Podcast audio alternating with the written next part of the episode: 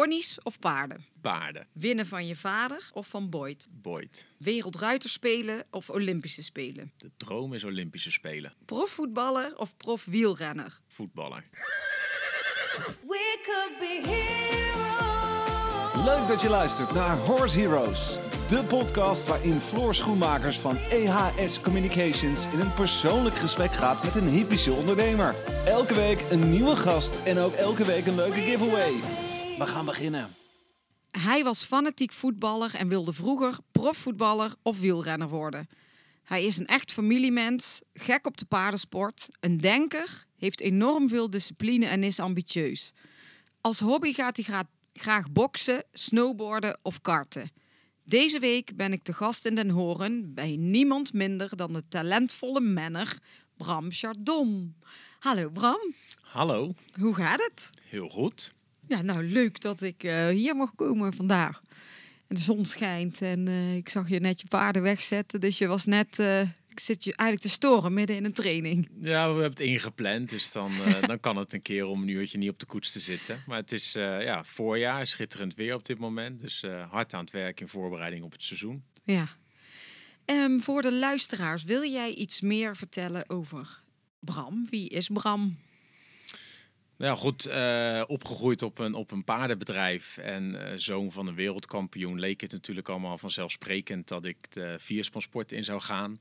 Eh, dat was het zeker niet. Ik heb wel heel lang gevoetbald, aan wielrennen gedaan. Ik had heel veel andere hobby's, andere dingen die ik leuk vond. Ik ben ook door mijn ouders nooit deze richting opgeduwd. Het was echt aan de hand van het WK in 2008. Eh, daar was ik deel van mijn vaders team. Ja. Want daar goud won in eigen land. En nou goed, toen ik dat gezien had, wist ik wel dat ik dat ook echt wilde. En heb ik de keuze gemaakt om te focussen op het mennen. Eh, toen de tijd met een ponyvierspan. En eh, nou ja, goed, eh, daarna is eigenlijk de mensport nooit meer uit mijn leven gegaan. En ben ik het beroepsmatig gaan doen. En ja, tot op de dag van vandaag geen spijt van die keuze. Nee, want jij bent fulltime werk je in de, in de paardensport. En we zijn nu ook op, eh, op, ja, op jullie bedrijf in Den Horen. Wat is dit voor bedrijf? Wat gebeurt hier allemaal? Het bedrijf van, van oudsher eh, was het een boerenbedrijf. Dus mijn opa die woonde hier ook al. Eh, toen de tijd met koeien. Mijn opa was fan van de draf- en rensport. Dravers had hij ook zelf. Hij reed ook zelf koersen. Dat was eigenlijk voor het eerst dat paard en wagen bij ons in de familie kwam.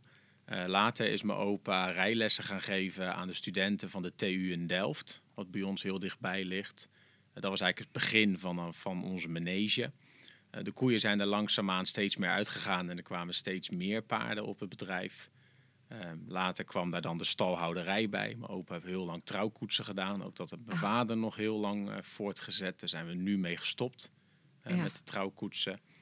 Eh, de manege, daar kwam ook al snel de pensionstalling naast. En vandaag de dag hebben we een, eh, 35 pensionstallen, 35 pensionklanten. Eh, de manege die is uitgegroeid tot twee jaar geleden. Toen hadden we 600 lesklanten per week. Zo. Kinderen en volwassenen. We hadden 40 paarden en ponies die in groepjes van 10 à 12 eh, elke dag eigenlijk lessen draaiden. Eh, dat hebben we twee jaar geleden behoorlijk aangepast. De manege, de, de nieuwe generatie. Eh, mijn zusje Net, mijn zusje Lianne en ikzelf wilden graag ook verder in dit bedrijf. Het hebben we ervoor gekozen om iets meer eh, de kant op te gaan van de sportstal. Ja. Wat erin resulteerde dat we eigenlijk zijn gestopt met de ponylessen. Ook de ponies zijn eruit gegaan. De lessen die we aanbieden, dat was alleen maar voor ervaren ruiters op dit moment. Eh, de groepjes zijn terug naar 5, 6 in een uur. We hebben nog een 100, 120 lesklanten in de week. Eh, de reden ook van deze overgang is omdat wij een samenwerking zijn begonnen met het Lentes College in Maasland. Ja. Dat is een initiatief geweest van Equestrum. Die heeft ons toen benaderd. Eh, dat is concreet geworden in de opzet van de paardensport niveau 4 opleiding. Eh, voor die opleiding hadden wij ook een ander soort eh, paarden nodig binnen de school dan de manegepaarden voor beginnende ruiters. Dus het werd ook een beetje te breed voor ons om aan de ene kant paarden te faciliteren voor deze opleiding. En om aan de andere kant eh, paarden te faciliteren voor de beginnende ruiters. En toen hebben we gezegd van nou ja, dan gaan we voor de meer gevorderde ruiters binnen onze manege. En een paardenbestand wat aansluit op de behoeftes van de school. Ja, want ik eh, heb daarover gelezen ook, eh, over het hele Equestrum verhaal. Kun je daar ehm, nog wat meer over vertellen? Wat dat precies is en gaat doen en wat jullie rol eh, daarin is? Eh, Equestrum eh, is binnen deze regio ook een beetje de schakel tussen de, de overheden, de subsidies en dan de bedrijven. En Equestrum is zo een beetje ontstaan vanuit het CIO in Rotterdam. Met de Mhm. Europese kampioenschappen die daar toen waren, van de dressuur en de springen. Ehm, het eerste concrete wat daadwerkelijk eh, ook gerealiseerd is, is dan de opleiding. Dat is echt een plan en een initiatief geweest van Equestrum. En die heeft de partijen bij elkaar gebracht. En die heeft een leidende rol gehad in de opzet van deze opleiding. Nou, daarvan is het vierde jaar is, eh, dit jaar aan het afronden. En nog steeds met succes kijken we terug op deze opzet. Ja.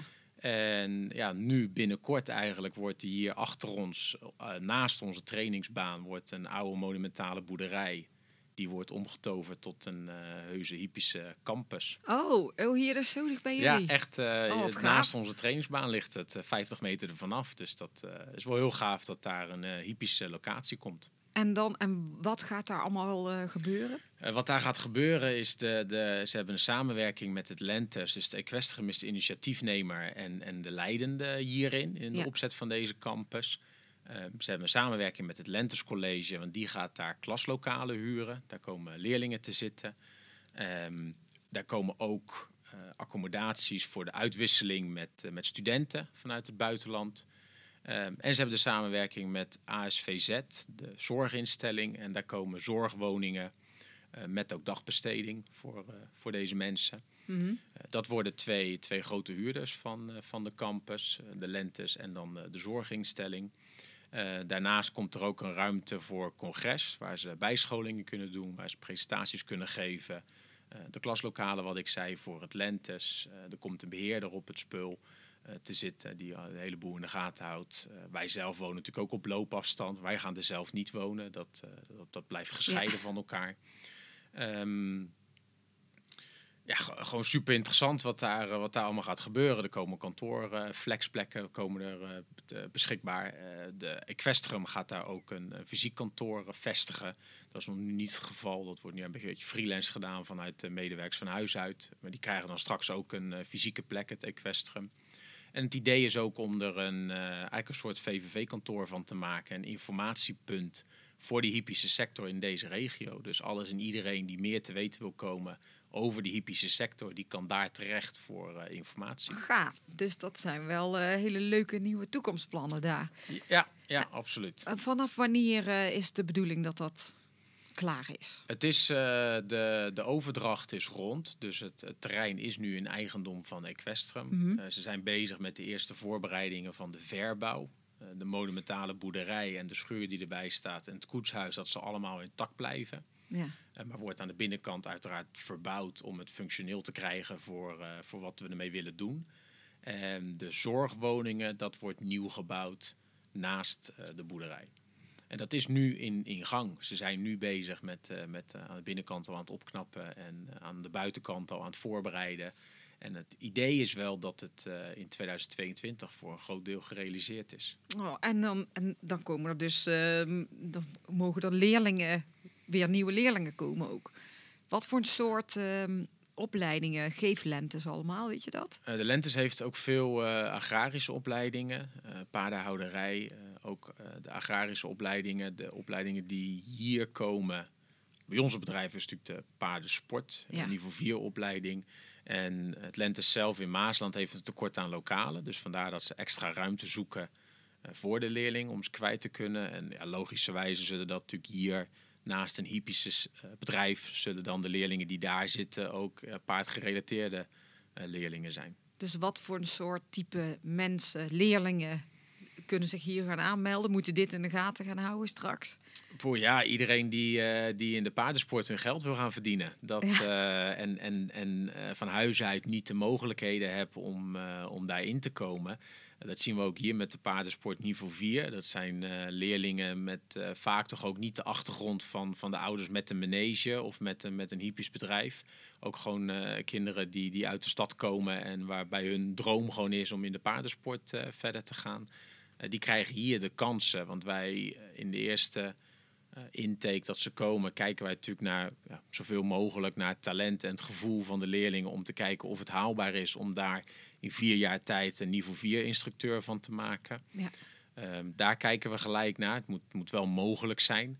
Ehm, dan gaan ze dat talent hier natuurlijk ontwikkelen en verder laten zien. Dan gaan wij ook helpen in, in het kiezen van een richting. Dus hebben ze meer talent voor dressuur of voor springen? Of eh, hebben ze voor het rijden minder talent, maar kan het een uh, topkroem zijn voor een topruiter? Eh, of zijn ze juist weer heel goed in een stukje hospitality binnen de hippische sector?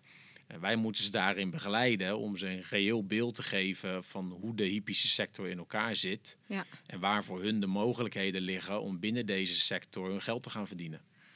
Serieuze zaken al allemaal waar jullie Ja. eh, zo mee bezig Ja. zijn. Maar en jij doet dit samen met, eh, met je zussen, die zijn er ook bij betrokken? Nou, ik moet heel eerlijk zijn dat eh, de hele begeleiding van, de- van, van de lentesopleiding, dat dat vooral in de handen ligt van mijn moeder, Pauline. Oh ja. En mijn oudste zus Jeannette. Ja. Lian die gaat zich ook steeds meer en meer bemoeien. Ook met, met de lessen die gegeven worden. Wij zelf geven ook echt lessen aan deze leerlingen.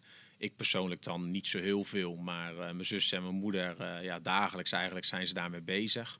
Ook met de indeling van, van de paarden. Want het blijven natuurlijk gewoon onze eigen paarden die wij uitlenen aan de school. Ja. En wij faciliteren dat zodat hun op het juiste paard het juiste kunnen aanleren. Eh, dus dat is best wel heel intensief. Ja. Maar goed, ik moet mij vooral focussen ook op mijn eigen sport en op mijn eigen lesklanten. Dus in de praktijk heb ik er niet heel veel mee te maken. Nee. En, eh, maar je geeft ook aan dat er goed wordt gekeken of ze meer talent hebben voor dressuur of voor springen. Dus het stukje mennen is in de opleiding komt daar niet per se in voor, want dat is echt jouw sport, Ja. denk ik. Hè? Kun jij zelf eh, eigenlijk ook rijden? Ja, Vertel eens, vertel ja. eens. Nee, nee, absoluut. Ehm, ik, ik zal niet zeggen dat ik het grootste talent ben in rijden.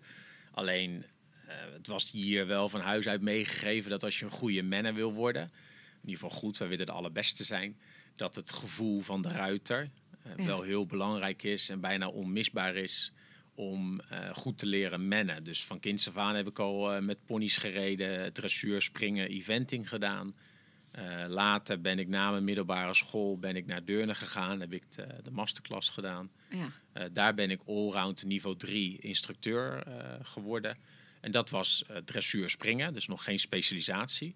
Dus toen had ik ook een eigen paard waarmee ik sprong, waarmee ik eh, dressuur reed. En daarmee ben ik ook geslaagd eh, voor onder het zadel. En daarna heb ik mij gespecialiseerd en ben ik de eh, niveau 4 wedstrijdsport mennen Mhm. heb ik gehaald, het instructeurdiploma bij de KNS. En op dit moment zit ik samen met mijn zus in de coach 5 opleiding bij Oh. de KNS. Ja, heel interessant.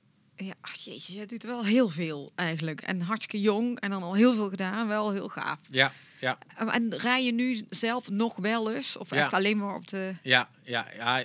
Niet per se dagelijks, dat, dat red ik niet. Het is meestal een beetje bij, bij vlagen. Op het moment dat ik dan een van mijn paarden, dat ik er bij het, bij het aangespannen niet helemaal doorheen kom. En dat ik hem niet helemaal snap, of dat we elkaar niet helemaal snappen. Dan eh, wil ik nog wel eens oppakken en dan ga ik erop zitten. Ja. En dat is dan voor een periode dat ik denk van nou, ik heb bereikt wat ik wil bereiken. En dan gaat het eigenlijk weer terug naar, eh, naar de koets. En dan doe ik het meeste werk voor de, voor de koets. Eh, we hebben hier vaak een afwisseling. Kijk, ik ben ook niet zeven dagen, hele dagen eh, thuis beschikbaar om alles te kunnen trainen. Ik moet ook wel eens de deur uit voor lessen, voor het kijken van paarden, noem het op. En we hebben eigenlijk een beetje een afwisseling met het koetswerk en het werk onder het zadel. Dat mijn zussen eigenlijk standaard dat gedeelte onder het zadel op zich nemen. En dat ik me dan vooral focus voor het werk voor de de koets. Ja. Want, want hoe ziet dat als je dat voor een, een span of één paard, hoe werkt, hoe ziet zo'n training eruit? Is dat echt per paard, die training individueel? Of doe je het als eh, alle vier of twee, of hoe je, hoe je ze ook traint? Als je een jong paard hebt, daar beginnen we ook met tuigpaarden altijd mee onder het zadel. Ja, In eerste instantie onder het zadel worden ze volledig afgericht. Dat, dat de hulpen eraan zitten, dat het vertrouwen er is. eh, dat we stuur hebben, dat we nagevelijkheid hebben, zover mogelijk. Ehm, dat er een basis is die voldoende is om ze in te kunnen spannen. ja. Eh, dan gaan we ze vaak beginnen in de tweespan. Omdat het veiliger is, vinden wij, met het beleren. Eh, daarna worden ze ook individueel in het enkelspan beleerd. Eh, dan ook nog een keer in het vierspan beleren. Dat moeten ze allemaal een keer voor het eerst doen. Mhm. En op het moment dat dat erin zit, dan gaan we eigenlijk gewoon individueel naar het paard kijken waarvan wij denken wat hij het meeste nodig hebt. En dat kan bij het ene paard wat meer enkelspan zijn. Het andere paard functioneert juist heel goed in het tweespan. En heeft het enkelspan weer minder nodig. Daar moet een beetje een balans in komen. Eh, en ook voor het paard zelf willen we een bepaalde variatie houden in, in de manier van trainen. Dat ze niet elke dag hetzelfde hoeven te doen. Ze komen ook aan de longe. Eh, nou, wat ik zei, enkel, twee en vierspan en onder het zadel. Dus we hebben heel veel mogelijkheden Ja. om deze paarden te trainen. Eh, richting een wedstrijd, dan ga je wat meer naar het vierspan toe. Op het moment dat je een vierspan training gehad hebt, meestal probeer ik op een eh, zaterdag, zondag, als ik wat makkelijker hulp heb hier, probeer ik de vierspan training te doen. Dan gaan we vaste krom vaak mee. En als ik de vierspan training gehad heb, dan ga ik eigenlijk een plan maken voor de week weer. Dus als ik zondag de vierspan training gedaan heb, dan ga ik voor de rest van de week een beetje een plan maken van nou, dit paard ontbrak dit en dat aan. Dat ga ik eh, even in het enkelspan oplossen. Eén, twee dagen enkelspan. Is het dan in het enkelspan beter dan de derde dag in tweespan kijken en bevestigen of het daarin ook eh, opgelost is. Twee, drie dagen bevestigen in het tweespan. En dan zou ik de zondag weer vierspan kunnen rijden en dan kijken of mijn training die week geholpen heb. Dat klinkt eh, best wel ingewikkeld allemaal. Nou ja, het, het is ook ons werk. Ja. Eh, we doen natuurlijk elke dag niks anders dan, dan, dan ja, dit, dit is echt... eh, Hoe- hoeveel paarden train jij zo op een dag? we moeten er, mijn vader en ik moeten er 10, 12 op een dag moeten we toch wel, toch wel trainen. We hebben onze eigen wedstrijdpaarden. Voor de zomer hebben we er 7, 8 die in onze wedstrijdselectie zitten. En we hebben op dit moment een 20 paarden van trainingsklanten staan. Ja. eh, die wij ook allemaal trainen. Niet elke dag allemaal zelf, want ook die paarden geven wij natuurlijk de afwisseling. Ook die paarden draaien mee in het werk onder het zadel. Eh, maar goed, het aantal per dag moeten we toch wel halen. En dan is eh 10, 12 een beetje richtlijn van het aantal wat, eh, wat noodzakelijk is. En ehm, welk paard is voor jou het meest bijzondere paard, het meest onvergetelijke paard dat je hebt? Poeh, dan denk ik toch Pandoer, de schimmel. Ja. Eh, die heeft mij geholpen op het moment dat ik de overstap maakte van ponies naar paarden. Eh Pandoer komt bij de familie Dobrovic vandaan uit Hongarije, een bevriende menfamilie van ons. Eh paard was eigenlijk niet te koop. En ik heb hem toen eerst een jaar mogen gebruiken om naar mijn eerste WK te gaan in Breda. Nou, daarvan was de afloop niet zo, eh, niet zo goed. Alleen eh, dat lag niet aan Pandoer. Toen is Pandoer teruggegaan, want nogmaals, hij was eigenlijk niet te koop. Eh, toen bleek dat ik hem echt harder nodig had, want het, het lukte niet bij mij. Ik kreeg de samenstelling van mijn span niet goed. En voor de marathon en de vaardigheid had ik echt eentje nodig met, met routine en ervaring. En toen na een jaar, toen zei Dobro, nou, we moesten toch maar een deal maken. En je moest hem toch maar kopen, want je hebt hem echt hard nodig. En toen is hij alsnog bij mij teruggekomen. Eh, heeft hij mij twee jaar eigenlijk naar het hoogste niveau geholpen. ja. En ehm, heb ik met hem uiteindelijk de wereldbekerfinale weten te winnen in Bordeaux. En ook met Pandoer wist ik de, het Europees kampioenschap te winnen in uh. Ja, het zijn mijn twee hoogste punten geweest. Eh, hij is nu 17. Ik denk dat hij langzaamaan aan zijn pensioen toe is. Ja. Uh, maar hij heeft mij daarheen gebracht. En het is ook in zijn hele voorkomen en, en in heel zijn uiterlijk. Zo'n, het is niet de allermooiste. Het, is- het is een uh, apart paard om te zien. En zo'n kleine schimmel in, in een span, grote bruine. Dat, het was altijd een, uh, ja, een eye-catcher. ja. Maar is het, die twee momenten die je net noemde, die je hebt gewonnen, waren dat ook voor jou eh, de meest memorabele momenten die je hebt beleefd in je carrière? Uh, ja, uiteraard denk je daar. Uh, dat, uiteraard zijn dat momenten waar je vaak aan terugdenkt als, uh, als, als positief. Mm -hmm. maar uiteraard zijn ook de, de, de negatieve momenten in je carrière. Dat is ook iets waar je vaak aan terug blijft denken. Dus het, het uitvallen in Breda tijdens het wereldkampioenschappen. Toen ging ik letterlijk lopend naar huis na de tweede hindernis. Wat, uh, wat gebeurde daar voor degene die dat niet... Ik reed mezelf uh, vast en het paard kwam tegen de plank aan van, van de paal waar ik me op vastreed. En dat brak af, dus het paard viel. Oké. Okay. En toen lag het hele spul over elkaar heen en uh, moesten de mensen vanuit het publiek moesten komen om te helpen om oh. alles weer veilig op de benen te krijgen. En op het moment dat je dan hulp van derden hebt, dan heeft het uitrijden van de wedstrijd geen zin meer. Dus toen hebben we ja, letterlijk nogmaals lopend terug naar de vrachtwagen, ja. naar de tweede hindernis. Dus dat was het was ook snel. Het was mijn eerste jaar bij de paarden. Ehm, bij de ponies ging het bij mij allemaal vrij makkelijk. Eh, ik heb drie wereldkampioenschappen gereden. Ik heb ze alle drie gewonnen.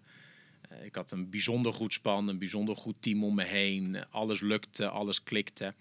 En ik denk toch dat in mijn achterhoofd eh, iets, iets het gevoel zat van ik kan alles. Dat sluipt er dan toch in. Je bent, Ja. je bent jong. Ik was eh, twe- 21 toen ik voor de derde keer wereldkampioen werd, 22. Ehm, iets overmoedig. Van nou, die overstap, dat doe ik wel even. Ja. Want eh, dit kon ik ook altijd. En dat kwam eh, ja, toch even hard aan toen. Eh, daar leer je van. Ja, daar daar ben ik scherper van, ja. scherper van geworden. Veel doortastender geworden in mijn training. Eh, Misschien juist wel goed ook Ik wel denk dat het is gebeurd. nu een paar jaar verder terugkijkend is het absoluut goed geweest dat ik, eh, dat ik een paar keer om mijn gezicht ben gegaan in dat Ja. eerste jaar. Want het heeft me uiteindelijk een veel betere manner en ook een veel betere trainer gemaakt. Nou ja, en je hebt al heel veel dingen in je carrière gedaan. Veel gewonnen, veel gereden, overal geweest. En toen eh, was het maart 2020. Weet jij nog waar jij mee bezig was op het moment dat eh, corona in het paardenland kwam?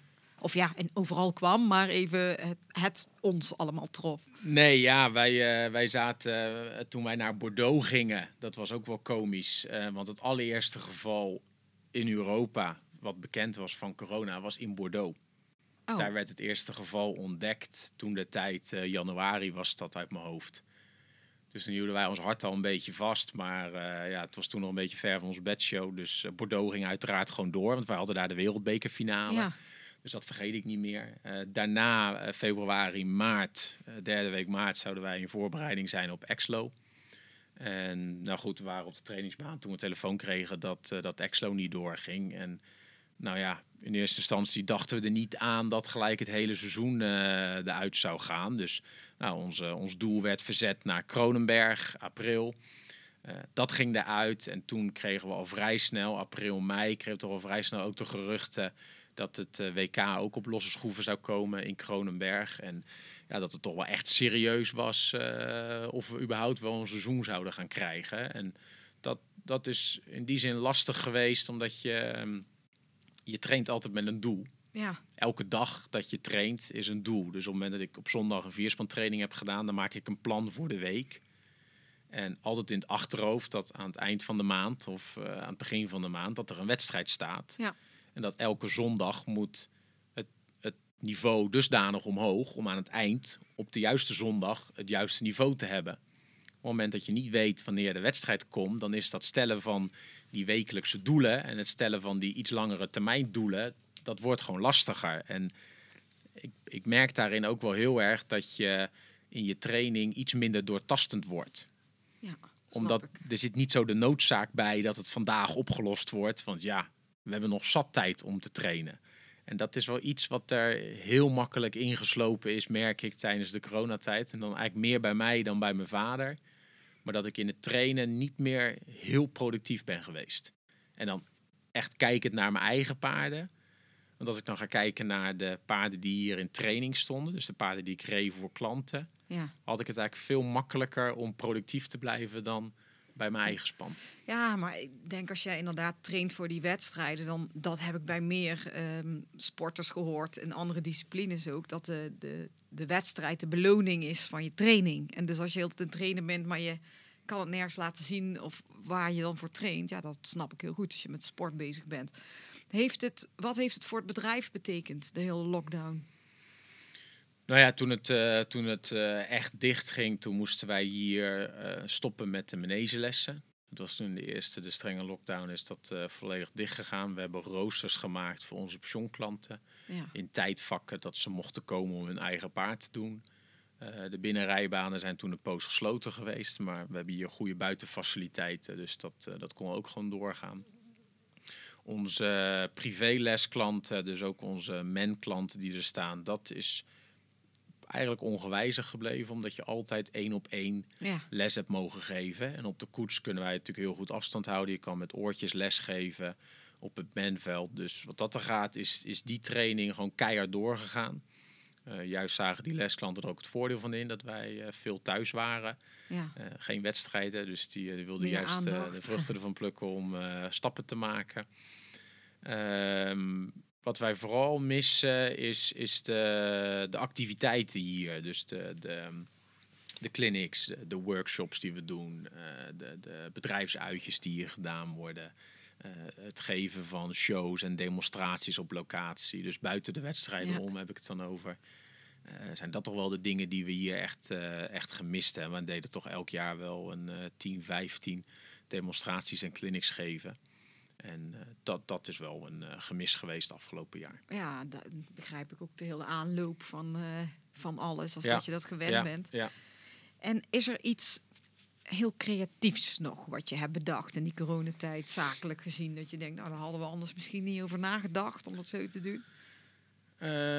Ehm, zakelijk gezien, nee. Ja, ehm, de, de stap die we gezet he- hebben, eh, dat lijkt wel met voorbedracht eh, raad geweest. Want wij twee jaar geleden hebben besloten om de manege helemaal om te gooien. En Ja. het concept wat we nu hebben liggen, dat is gewoon in deze tijd veel makkelijker uit te voeren dan het concept wat we hadden. Want we hadden natuurlijk echt eh massa groeplessen, 600 man in de week. Eh, dat was gewoon een hele belangrijke motor van dit bedrijf. En nu zijn we sinds twee jaar veel meer op de kwaliteit eigenlijk gegaan in plaats van de kwantiteit. Mhm. Nou, in deze hele coronatijd is dat stukje minder eh, kwantiteit wat we hebben is gewoon gunstig. De groepjes zijn klein, eh, het kan bijna allemaal vooralsnog gewoon eh, doorgaan. Alle lessen hebben we één op één door kunnen gaan. Ehm, wat, wat voor mij persoonlijk een, eh, door corona is ontstaan, is omdat ik niet weg kon voor lessen, voor clinics. Eh, ik ging veel het buitenland in, Amerika, Australië, heel Europa, overal gaf ik wel les. Is dat er eh, heel binnenkort, dat is verder nog niet helemaal bekend, dat is een beetje een primeur eh, nu, komt er een Chardon online driving education platform. Oh, wat leuk. Dus dat, dat is wel heel gaaf. Wanneer Ehm, ga je dat lanceren? ik denk met een maand, anderhalve maand zal het helemaal af zijn en wordt dat dan gelanceerd. Met een maand, anderhalf. We moeten even spieken, want ehm, wij zitten nu... Als de podcast online is, is het begin april. Dus ehm, dan zeg maar eind april ongeveer. Ja, verwacht ik wel. Oh, en eh, Ja. nou, vertel. Vertel er eens wat meer over, want dat is wel leuk. Nee, ja, we, eh, wat we gaan doen, of wat, wat, wat ik opgezet heb, eh, heb ik uiteraard hulp bij, want ik ben geen ICT'er, is een, is een platform waar je als manner zijnde kan je een eh, filmpje insturen. Dus je hebt één onderdeel is het persoonlijk advies, personal advice. We hebben de, de, de website tweetalig gemaakt uiteraard, maar dit is juist bedoeld ook voor de buitenlandse klanten waar ik ja, in deze tijden niet meer zo makkelijk heen kan. Ja. Ehm, daarin heb je acht minuten de tijd om alles in te sturen wat je wil. Dus het kan een dressuurproef zijn, kunnen marathonhindernissen zijn, het kan een vraag zijn over je bid. eh, alles wat je maar wil, dat kan je opsturen. Eh, je maakt een account aan, je logt je in en het, het film gaat op jouw persoonlijke pagina. Komt dat omhoog? Ik krijg daar een melding van. Ik open het en ik kan het filmpje inspreken. Ik kan eh, geschreven tekst maken. Ik kan eh, foto's meesturen als voorbeeld. Dus je betaalt vooraf en dan gaat het filmpje kan je uploaden. En jij kan altijd in je persoonlijke account kan je altijd alle filmpjes terugzien. Ja. Dus je hebt ehm, meerdere filmpjes straks, kan je opsturen. En elk filmpje, alles wordt verzameld in dat persoonlijke account. Ik kan daar ook altijd weer in om te kijken, om te checken, aanvullingen te geven. En de andere optie die we geven, dat is een eh MEN-cursus. Dus we hebben een MEN-cursus ontwikkeld op het niveau basis nu. Mhm. Eh, later gaan we eventueel aanvullen met niveau licht, eh, medium, zwaar. Kijken wat de vraag is van de, van de mensen waar ze behoefte aan hebben. Eh, in die cursus heb ik een, een dressuurproef gemaakt die ik heb opgesplitst in zes oefeningen. Mhm. Van de makkelijkste oefening tot aan uiteindelijk de moeilijkste oefening van de proef. Die heb ik voorgereden, dus dat kan je zien. De onderdelen die ik rijd, daar heb ik dan weer tekst bij op de achtergrond. Van denk hierbij, let daarop, kijk daarnaar. Eh inleidende tekst zit erbij, dat je exact weet wat je moet doen en waar ik naar ga kijken. Dan ga je die zes oefeningen, die ga je rijden. Die krijg je elke keer weer, krijg je een beoordeling van mij tussentijds. Van joh, let in het vervolg daar en daarop, kijk hier eens naar. Ehm, samen zijn die onderdelen een proef. Die proef wordt aan het eind gereden. Die proef wordt ook weer beoordeeld. Krijg je ook weer feedback van wat wel goed was, wat niet goed was. En hoe je dat eventueel zou kunnen oplossen. Dus het is niet alleen maar de beoordeling als zijnde jurylid. Het is juist ook de bedoeling dat ik natuurlijk als trainer, Ja, als trainer. feedback ga geven en tips ga geven hoe dat te verbeteren. Dus niet alleen maar de fouten constateren, maar juist ook eh, een oplossing proberen te bieden. Ja. En dan als ze de cursus dan de proef hebben afgerond met, met een voldoende, dan krijg je een eh, Chardon diploma Oh, wat leuk. van de cursus basis. Maar het is internationaal, dus Het wordt internationaal. De, de, de cursus nu is volledig in het Engels. Ja. Dus daar gaan we denk ik nog wel een, eh, een, een ondertiteling bij maken. Zoals die er nu ligt, is de gesproken tekst eh, bij de voorbeeldfilmpjes. En het hele geheel is, is voornamelijk ge- gericht op de Engelse. Eh, er is ook een Nederlandse versie eh, beschikbaar, maar de cursus, daar zal dan ondertiteling bij komen. En kun je ook iets zeggen over eh, de kosten bijvoorbeeld? Want je zei je, je moet er iets voor. Of is het allemaal verschillend? Ja, nee, de, de, dus de twee keuzes die je hebt, is ofwel het persoonlijk advies, ofwel de cursus die je gaat doen. Ehm, de persoonlijk advies, dat zal uitkomen ongeveer op 65 euro per ingestuurd eh, filmpje. Mhm. En de cursus die zal een, ja, ik verwacht een 390, 395 euro gaan kosten. En dat is dan eh, de zes losse oefeningen en de proef aan het einde wat je dan hebt. En de Eh, beoordeling en het Chardon-diploma. het diploma, zes losse beoordelingen op de zes losse onderdelen. En uiteindelijk dan de, de beoordeling van de proef Ja. in zijn geheel. En je kan ook een, eh, chat starten of eh, een losse vraag extra stellen. Het moment dat er aan de hand van het filmpje van mij zaken niet duidelijk zijn, dan kan je even, even chatten met mij om te zeggen van joh, dit en dat snap ik niet. Kan je dat nog één keer uitleggen? Dan doe ik dat. En op het moment dat er dan weer een nieuwe vraag komt, dan is het uiteraard weer de bedoeling dat je een nieuw filmpje instuurt. En dan, eh, Ja, en dan je zeg jij nieuwe eh, wat, wat het met, bij jou privé heeft. Ja, ik vind het een hartstikke, eh, ook wel zakelijk creatief. Je bent hartstikke Ja. naar het online toe Ja, gegaan. Helemaal ja. goed. Ja, Hoe heet de site? Chardon Online. Oh ja, tuurlijk. ja, Makkelijker kan niet. Ja, maar dit is dus wel, dit heb je bedacht eigenlijk nu ook wel. Dat je ziet dat alles veel meer online Ja. gebeurt en je niet naar je klanten toe kon. Dat dit Ja. hele platform... Ja, eh, zeker. Nou, ik ben ook veel bezig geweest met, eh, met, met via WhatsApp of met FaceTime Ja. of eh, alternatieven eh, bedacht om, om dat te kunnen doen. Maar het geven van live lessen, dat blijkt toch heel moeizaam te zijn met mennen, omdat veel Ja. mensen in het buitengebied mennen. Eh, is de wifi-verbinding niet goed en dan eh, ja, beeld qua, beeldmateriaal is, is, is matige kwaliteit. Kijk, nu kunnen de mensen met de iPhone of met een camera kunnen ze gewoon kwalitatief goede filmpjes maken. Hmm. Eh, die kunnen ze thuis uploaden op de computer. Ze kunnen thuis of op de telefoon kunnen ze straks het filmpje terugzien. Dus onderweg naar de training toe zouden ze nog eventueel een keer af kunnen luisteren. Wat zei Bram nou precies? Eh, je kan alles in je persoonlijke account kan je altijd weer overzichtelijk terugvinden. Dus je adviezen blijven alleen voor jou uiteraard. Dus Ja. allemaal, allemaal privé is het. Het is niet openbaar de informatie. Kan je ten alle tijden weer terugkijken. Als je ooit een keer een vraag hebt ingestuurd over uitstrekken wat niet lukte. Dan kan je het filmpje er weer bij pakken. Van joh, wat zei Bram Ja. nou toen waar ik op moest letten. Maar jij gaat echt persoonlijk al die ant die, die Persoonlijk in, ga ik het... in het eh, begin. ja, ja. Ik zit je de hele dag eh, dit te doen. Nee, ja, ehm, dan gaat waarschijnlijk de wachttijd wat omhoog. Want het is natuurlijk wel dat de mensen, en daar is ook het bedrag naar, dat, Ja. dat ze van mij het advies willen. Ja. Eh, dat is hetzelfde met lessen. Ja, op het moment dat je eh, hier les neemt, dan, dan is de prijs natuurlijk hoger. Want je, je gaat ergens naartoe waar je verwacht een groot resultaat te krijgen van je les. En, en daar is ook de prijs naar. En dat is ook bij deze cursus. Het is voordeliger dan het afnemen van een, eh, van een menles bij mij. Eh, duidelijk. Ehm, het is toegankelijker, want je hoeft niet eh, in de auto te stappen om, om hier te komen. En ik wil het wel zelf gaan doen, de, de adviezen geven. En op het moment dat het echt storm loopt, ja, dan moet ik mijn Ja, dag, mijn dag dat- iets anders in gaan En meer delen. mensen. Ja. en eh er komt net een span langs met vier eh, witte paarden. Er was ook nog een vraag van, eh, van, van een van de luisteraars. Hoe houden jullie die witte paarden schoon? Is er een geheime truc? Poeh, geen geheime truc. Nee, wij, zijn er ook niet, wij zijn er ook niet van om ze helemaal in te pakken. Of dat ze niet in de paddock mogen. Nee. Of nee, ja, het paard moet een paard zijn. En die mag ook gewoon vies worden. Eh, regelmatig wassen. Het is echt niks anders dan eh, gewoon standaard één keer in de week eh, volledig met sop wassen. Ook geen speciale sop, gewoon normale zeep voor paarden. Ehm, op wedstrijden dan hou je er wel iets rekening mee. Kijk, dan met de schimmelpaarden doen we natuurlijk tien keer op een dag de mest eruit halen. Ja. En ja, goed, dan moet je dan iets secuurder mee omgaan. Want die kan je niet elke dag blijven wassen. Maar dat, ehm, nee, geen geheim. gewoon geheim. veel werk. Veel werk. Ga nog heel even terug naar het stukje van eh, wat jij zei over privé. Hè? Want, ehm, nou ja, goed, je zei net corona privé had gedaan. Dan heb je die hele, dit hele online, Chardon online ontwikkeld. Maar is er verder nog iets eh, wat, wat voor jou anders is geworden, privé, door de corona?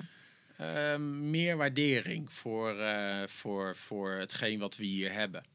Omdat ik voorheen toch een beetje het idee had van eh, als succesvol trainer moet ik ook veel de deur uit. Ehm, dat zie ik nu wat anders. We hebben hier nu de klanten aangetrokken om hier training te geven. Dus door de klanten die ik nu hier heb staan, kan ik ook gewoon praktisch minder de deur uit. Eh, maar ook wel echt besef dat hetgeen wat we hier hebben met de familie, het bedrijf wat, wat hier neergezet is, met name natuurlijk door mijn ouders en wat ik ja, pro- ga proberen succesvol voor te zetten, dit bedrijf, dat het toch wel heel bijzonder is. En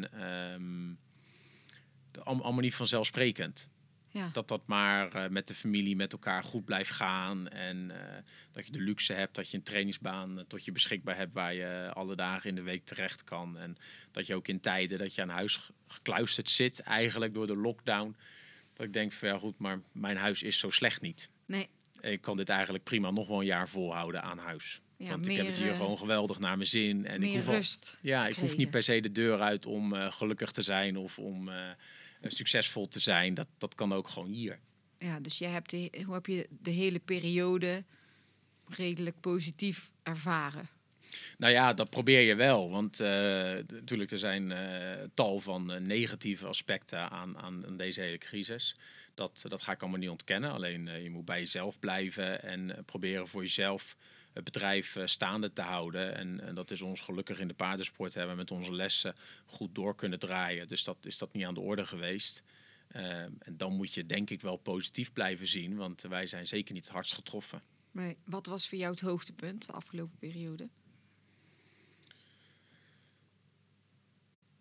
Vrij vroeg in de, in de coronaperiode heb ik met een 14 span gereden. Oh, Dat had ik ook anders nooit gedaan. Eh, dat ontstond ook omdat we ja, een soort van de tijd ervoor hadden in één Ja. keer om eh, zulke gekke dingen te doen. Mijn vader eerst met 12 en ik uiteindelijk met, eh, met 14. Eh, dat was wel heel gaaf om te doen. Ehm, hoe gaat dat? ja, moeizaam. Heel moeizaam. Eh, het gaat, want we hadden allemaal, allemaal makkerpaarden ervoor staan. Allemaal van onze indoor. Dus allemaal wel wedstrijdpaarden. Alleen ja, juist die paarden hebben natuurlijk ervaring en routine en zijn super strak afgericht. Dus dan blijft het ook veilig. Ja, En ja, we hadden alle tuigen. En mijn vader heeft de ervaring, want die heeft in eh, 1993 met 30 paarden voor de koets gereden. Ja. Dus voor hem was het een soort van, soort van makkelijk. Eh, maar ja, eh, heel anders. Eh, het, het heeft niks met het vierspan sport te maken zoals wij dat doen. Je moet op hele andere dingen letten. Je moet op hele andere manier moet je sturen. Maar het was natuurlijk wel kick om te doen. en waar ben je heen gegaan? Eerst in de buitenbak en uiteindelijk ook gewoon de weg op. Oh. Het, het dorp in en via het dorp weer terug. Het begon op Koningsdag, dus we waren helemaal in het, in het oranje gekleed met Oh, oranje vlaggen erbij. En iedereen langs het, langs het, langs het dorp eh, allemaal klappen en eh, honderdduizend foto's van gemaakt. En ja, dat was gewoon... eh, Ja. Dat was wel gaaf. het was even een lichtpuntje toen. Dat, dat was gewoon heel gaaf. Een uitdaging ook. Dus dan, Ja. eh, maar goed, daarna moesten we wel weer terugkomen op de, op de orde van de dag. En gewoon weer serieus trainen met, eh, met vier. Ja. Beperken tot vier. Eh, maar verder dan goed, eh, dat, dat, eh, het opzetten van het online platform heeft natuurlijk ook veel tijd gekost. Om, eh, om dat een beetje naar wens te krijgen. En om daar goed over na te denken. Of het eh, praktisch haalbaar is voor mij om daar natuurlijk tijd in te steken. En een goede berekening te maken van hoe lang ik ermee bezig zou zijn. En eh, ja, of het in te delen is in mijn wedstrijdkalender ook straks. Eh, maar goed, het is denk ik iets, eh, iets van deze tijd. Ja, Ehm, zeker wel. En ik wil daar gewoon graag in meegaan. En eh, ik denk dat het gewoon heel goed is om het straks eh, om zo'n platform te hebben en om het aan te bieden. Tuurlijk. En ik denk wat, wat iedereen zich nou het afgelopen jaar juist heeft gerealiseerd, dat het online ook te doen is. En Ja. als je dan nu lanceert, als iedereen eigenlijk gewend is om eh, met videocalls alles te doen en alles online. Dat is ja, Ja. hartstikke slim. Helemaal leuk. Ja. Is er nog iets dat jij heel graag zou willen leren? Ehm, poeh, nou ja, wij zijn ehm, als sporter zijn wij al eh, best succesvol. Mijn vader natuurlijk zeker en ik zelf heb ook al de nodige resultaten behaald. Alleen ik zie wel ook dat je, er komt ook een keer een eind aan, eh, aan het sporter zijn. En je moet ook leren ondernemen. Zeker als ik straks het bedrijf echt volledig over ga nemen eh, met mijn zussen van mijn ouders. Dan gaan mijn ouders ook een keer een stap terug doen. En nu is het vooral mijn moeder die dat stuk eh, ondernemen op zich neemt. Dus het, het maken van de keuzes, het in de week leggen van ideeën, nieuwe plannen. Dat komt eigenlijk allemaal bij mijn moeder vandaan nog steeds. Eh, wij zijn toch heel de dag druk en in de weer met het trainen van de paarden en gewoon het dagelijkse werk. Alleen dat stukje ondernemen, dat schiet er wel eens bij in. Terwijl dat natuurlijk wel heel belangrijk is als je straks een bedrijf wil voortzetten. Dus daar ligt voor mij wel nog ehm, winst ook. Want ja, goed, het bedrijf moet ook natuurlijk financieel gezond blijven. Eh, de topsport is niet direct een eh, winstgevende formule. Eh, daar heb je toch ook gewoon altijd sponsors voor nodig om, om die topsport staande te kunnen houden. Maar om ja, je eigen brood te verdienen, dan zal het bedrijf financieel gezond moeten blijven. Ja. En dan, ja, dat stukje ondernemerschap, dat zou bij mij ja, beter kunnen, denk ik.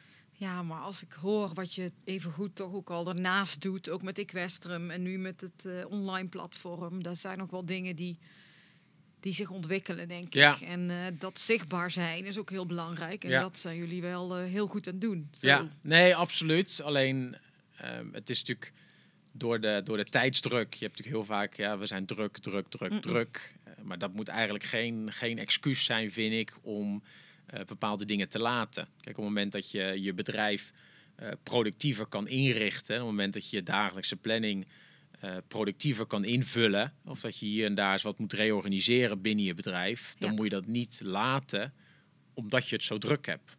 Nee. Want daar is natuurlijk niet tegen op te werken. Op het moment dat het ergens productiever kan en dan moet je eens een keer een week induiken om dat op de, op de kaart te zetten en om dat uit te werken, ja, dan moet je daar wel de tijd voor nemen, want het bedrijf moet wel draaiende blijven. Ja. Wie ehm, heeft jou geïnspireerd in de hele coronatijd, zakelijk of privé? Is er iemand geweest waarvan jij dacht, dat vind ik wel gaaf? Ondanks de hele toestand. denk, denk, denk. Lastig. Mag ook helemaal buiten de paarden zijn, hè? Vraag. Ehm, nou ja, kijk, eh, binnen, binnen mijn sport, eh, cliché misschien, maar is dat toch weer mijn vader geweest die mij toch ook weer betrapte op het, op het minder productief zijn in de training. En dan vind ik het des te meer toch wel weer fascinerend dat hij eh, al zo lang in de sport meedraait. En dat ook hij, of eigenlijk zeker hij, ook in deze tijd zonder korte termijn doel, Ja, ook in het trainen, weer zo blijft zoeken naar verbetering. Daar waar ik dat bij mezelf toch wel een beetje ging missen. En dat ik dacht na een maand van wat heb ik deze maand nou eigenlijk bereikt met het span, zag ik dat bij hem totaal niet. Terwijl je bij hem zou verwachten, hij is 60 geworden, van Ja. het kan ook wel eens een keer een tandje minder. Maar dat absoluut nooit niet, geen dag. En eh, dat heeft mezelf ook wel weer aan het denken gezet. Dat als ik eh, de komende 30, 40 jaar ook nog in de sport eh, aan de top wil blijven, ja. dat ik wel diezelfde drive en, en datzelfde streven naar perfectie moet, moet onderhouden dat- als wat mijn vader heb. ja, mooi. Ik vind het mooi dat je zegt je vader. Ja, Ehm, we gaan even naar een stukje muziek. Want ik vind het altijd, eh, even wil ik altijd weten, is er een bepaald nummer waar iemand eh, speciale herinneringen eh, aan heeft? Jij gaf aan Sweet Caroline. Wat is er met dat liedje? nou, het, het is niet per se het, het, liedje, het liedje zelf. Het is niet dat ik het elke dag even afluister. Alleen, het is een van de weinige liedjes dat op het moment dat ik het ergens dan ook hoor, eh, dat het kippenvel weer terugkomt. Eh, want dat was het nummer waarop ik mijn eerste wereldbeker kwalificatie wist te winnen. Eh, dat was, goed zeggen, 2017 of 18 in Mechelen. was Ja. dat. eind van het jaar, eh, 2017 moet het zijn geweest. En toen moest ik hem winnen om deel te mogen nemen aan de, aan de wereldbekerfinale. Dat was de laatste, laatste kans voor mij. Ik was toen als achtste of negende geplaatst voor de, voor de wereldbeker. Dus ik had ook een kans minder dan, dan de top vijf. En in Mechelen kwam ik, ik, ik moest winnen en, en ik won. Oh, wauw. Eh, en dat was voor mij gelijk deelname aan de, aan de finale. Het was het eerste seizoen wat ik meedraaide ja. met de wereldbeker. En om dan in een eh, afgeladen nekkerhal, om dan keihard dat nummer aan. En dan eh, als laatste over de finish crossen. En dan omhoog kijken naar het scorebord. Wetende dat je gewonnen hebt. Wetende dat je naar de finale mag. Ja, dat was natuurlijk een bizarre afsluiting van het jaar. Mijn vader stond langs de kant eh, te roepen en te schreeuwen. Mijn moeder, mijn zus, eh, iedereen was erbij. Eh, mijn vriendin was aanwezig. Ja, dat was natuurlijk wel bijzonder. Dat was wel nummer bijzonder. vergeet je nooit meer. We Nee, gaan dat, een stukje luisteren. Kijk, leuk. Dat is een leuk verhaal wel. Ik kan Ja, me wel nee, ja, voorstellen dat- dat, je iedere keer als je dat hoort... Ja, dat dan, weet je denkt, nog weer. oh. eh, dat is natuurlijk zo'n adrenaline bij die indoors. Daar is de adrenaline vaak nog, nog een stuk hoger dan bij de ouderwedstrijden. En dat,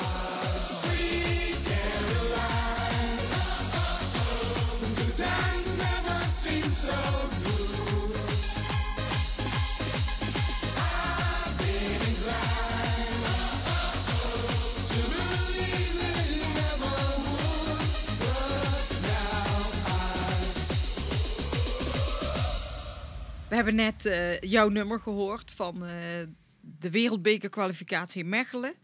Wat zou jij de komende jaren nog heel graag willen doen? wereldkampioen worden Ja, en, en Aken winnen. heel vaak Sweet Caroline horen.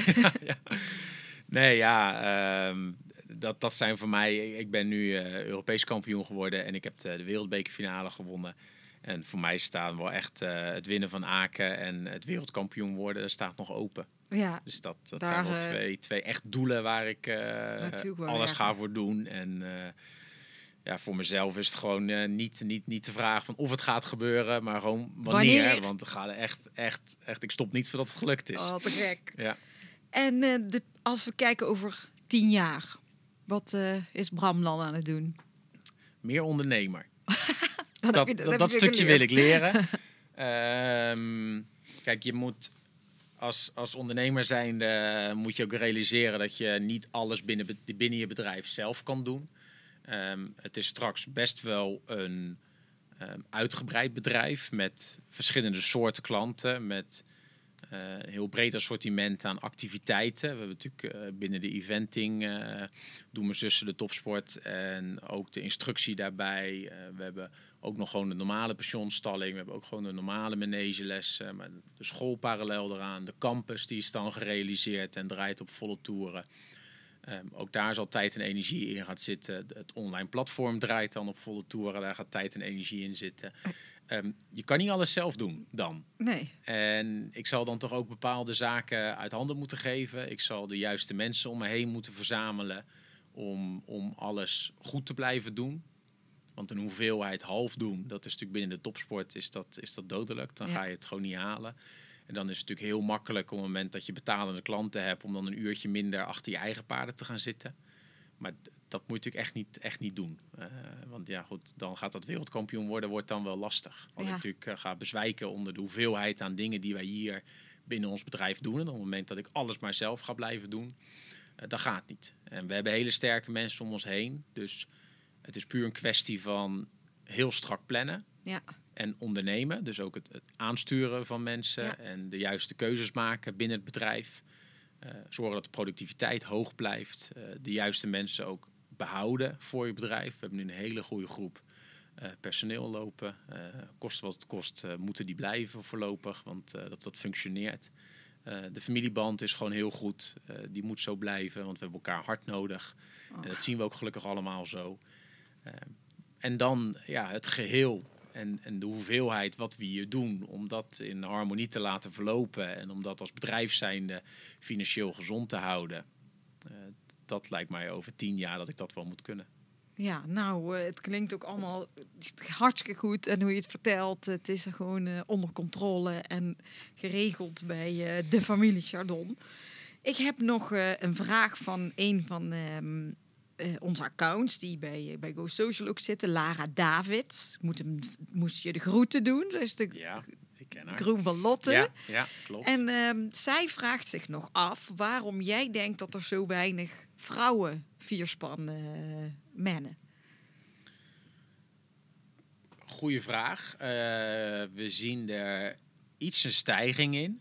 Eh, en met name in Duitsland hebben we heel, eh, twee heel sterk rijdende dames met Anna Zandman en Marijke Harm. Ja. In Amerika hebben we Misty Rickley zitten, die het al een aantal jaar eh, steeds beter is gaan doen. Die onder begeleiding staat bij Boyd.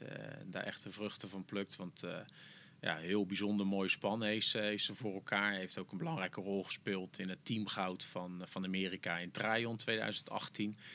Ehm, waarom? Ehm, misschien toch deels omdat het, eh, zeker in de marathon, op momenten ook wel eens aankomt op fysiek Ja. dan zijn er toch vier paarden die in volle galop een hindernis binnengaan. Ja. En dan moet je wel met alleen de teugels in je hand wel de controle zien te houden. En wij trainen altijd de paarden zo dat ze eh, controleerbaar blijven. En we willen ze altijd graag licht in de hand hebben. Alleen het gebeurt in acht hindernissen op het scherpst van de snede. Loopt er ook wel eens één door je hand heen. Ja. En de vrouwen zijn er wel, alleen het vier paarden voor de koets is wel heel wat mans voor een vrouw, Ja. Dat gemiddeld genomen. Ja, dat snap ik. Het is absoluut mogelijk, dat wordt ook bewezen. Ja. Alleen de, de vrouwen zien wij toch eh, in de menssport heel veel terug, ook bij de ponies. Eh, of bij de enkelspannen en de tweespannen. Bij de enkelspannen zijn de vrouwen zelfs dominant. Eh, ook huidig wereldkampioenen, Saskia Siebers bij de enkelspannen. Ja. Ehm, bij de ponysport hebben we, hebben we wereldkampioenen Rodin de Rutjes bij de, bij de tweespannen. Ehm, dus dat, dat is dan wel weer mooi om te zien dat, ze, dat we ook wel echt gewoon eh, binnen de menssport eh, alles door elkaar hebben. Ja. Man, vrouw, jong, oud, alles strijdt tegen elkaar. En dat, dat maakt het natuurlijk in de menssport ook wel weer heel gaaf. Ja, want zat ik me net heel even te bedenken dat jij dat vertelt over dat fysieke.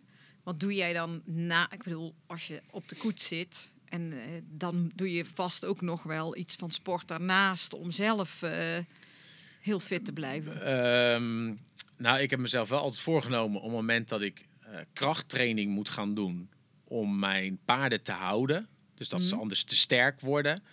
dan klopt er iets in mijn training niet. Nee, nee, dat snap Want ik. het moet absoluut niet nodig zijn om krachttraining te doen omdat je paarden anders te sterk zijn.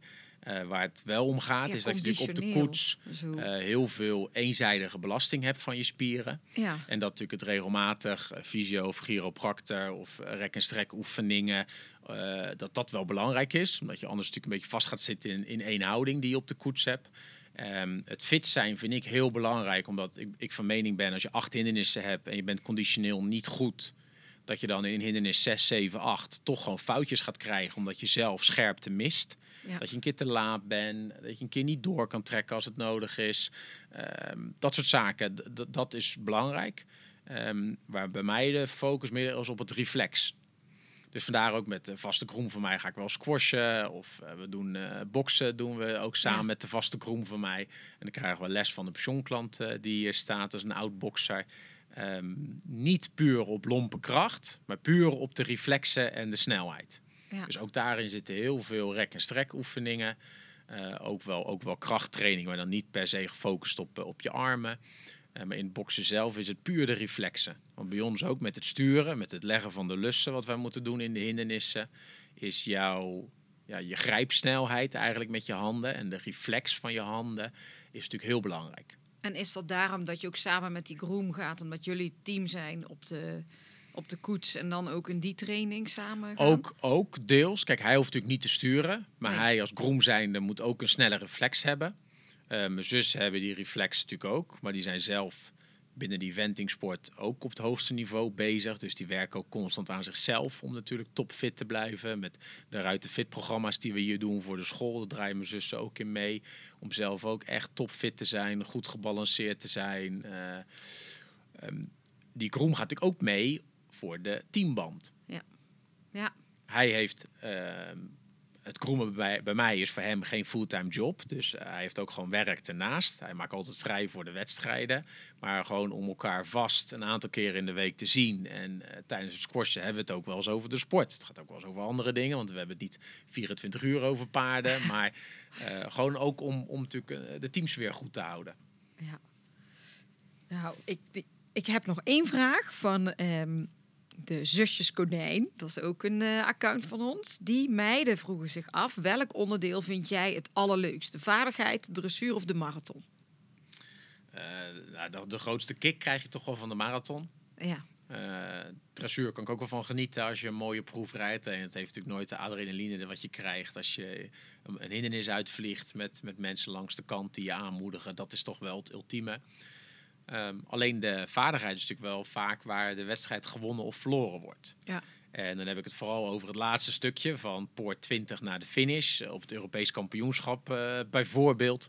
Ja, dan zat het hartslag denk ik echt, echt heel hoog. Want dan heb je de laatste poort waar je heen rijdt. Ik mocht geen foutje meer maken. En dan die laatste 20 meter naar de finish. ehm, ook weer een kick. En ik denk ook dat het zo moet zijn. Dat, dat er mag eigenlijk niet één onderdeel echt uitspringen. Want je moet, als je wereldkampioen wil worden, moet je pieken op alle drie de onderdelen. Ja. Je moet gewoon steengoed zijn op alle onderdelen, want dat zijn de concurrenten ook. Dus als je nou dressuur echt niet leuk vindt, ja, dan ben ik er toch wel van overtuigd dat je het gewoon niet gaat halen. Dan ga je nooit eh, 80% die kampioen van je dagelijkse training is dressuurrijden. Ja. Ja, dat is het perfecte antwoord. Dus er moet echt een balans in zitten. Alleen ja, de grootste kick is toch wel van de marathon. Ja, maar daar snap ik ook. Dat is ook als je gaat kijken natuurlijk ook het allerleukste. Ja.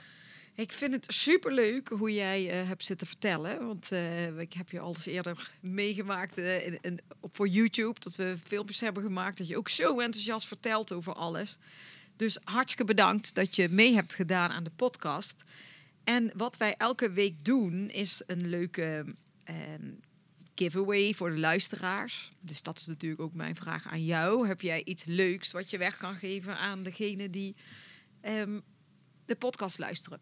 Ja, absoluut. Ik, eh, ik denk dat, eh, dat mensen, in ieder geval ik hoop dat mensen nieuwsgierig zijn geworden hoe het hier aan toe gaat binnen ons bedrijf. Dus ik zou graag twee mensen willen uitnodigen om eh, hier te komen kijken en om eens een dag met mij mee te lopen, de trainingen te volgen, het bedrijf te zien en eh, om zelf mee te maken hoe het hier gaat. Oh, superleuk. Maar bedoel je dan twee mensen, één iemand die samen met iemand mag komen? Ja. Of twee? eh, ja, nee, één iemand die mag Eén een, persoon eh, mag een met een vriendin vriend of een vader, vriendin. moeder, wat dan ook meenemen samen en dan gewoon een hele dag. Een hele dag mee, hartstikke leuk. Ja. En ehm, nog heel eventjes, ehm, waar kunnen de luisteraars meer over jou en je bedrijf te weten komen? En ik zou ook nog een keer het eh, online verhaal noemen. De, ehm, onze website, eh, dat is vooral een beetje de, de basisinformatie, chardon.nl. Eh, daar staat gewoon in wat ons bedrijf doet, wat het inhoudt en eh, ja, een beetje de, nogmaals de basisinformatie.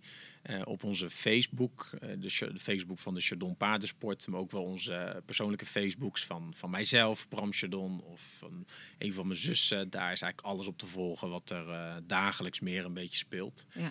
En dan ja, hopelijk over niet al te lange tijd, een maand, anderhalve maand verwacht ik, dan is de chardononline.com beschikbaar. En dan Ja, superleuk. Heel gaaf. Ik ben heel benieuwd ook Ja. daarna. Nou, Bram, nogmaals eh, hartstikke bedankt dat je mee hebt gedaan in de podcast van Horse Heroes. En zoals gezegd, geef Bram ehm, een rondleiding of dagje meekijken op stalweg voor eh, één persoon met een vriend of vriendin. Wat je daarvoor moet doen, is een leuke opmerking achterlaten op Facebook of Instagram op onze post van vandaag. En een beoordeling eh, op Apple Podcast. En dan kiezen wij binnenkort diegene uit die met Bram een dagje mee mag lopen. En hartstikke bedankt weer voor het luisteren naar deze podcast. Volgende week weer een nieuwe gast. En we horen jullie dan. Doei! We could be heroes.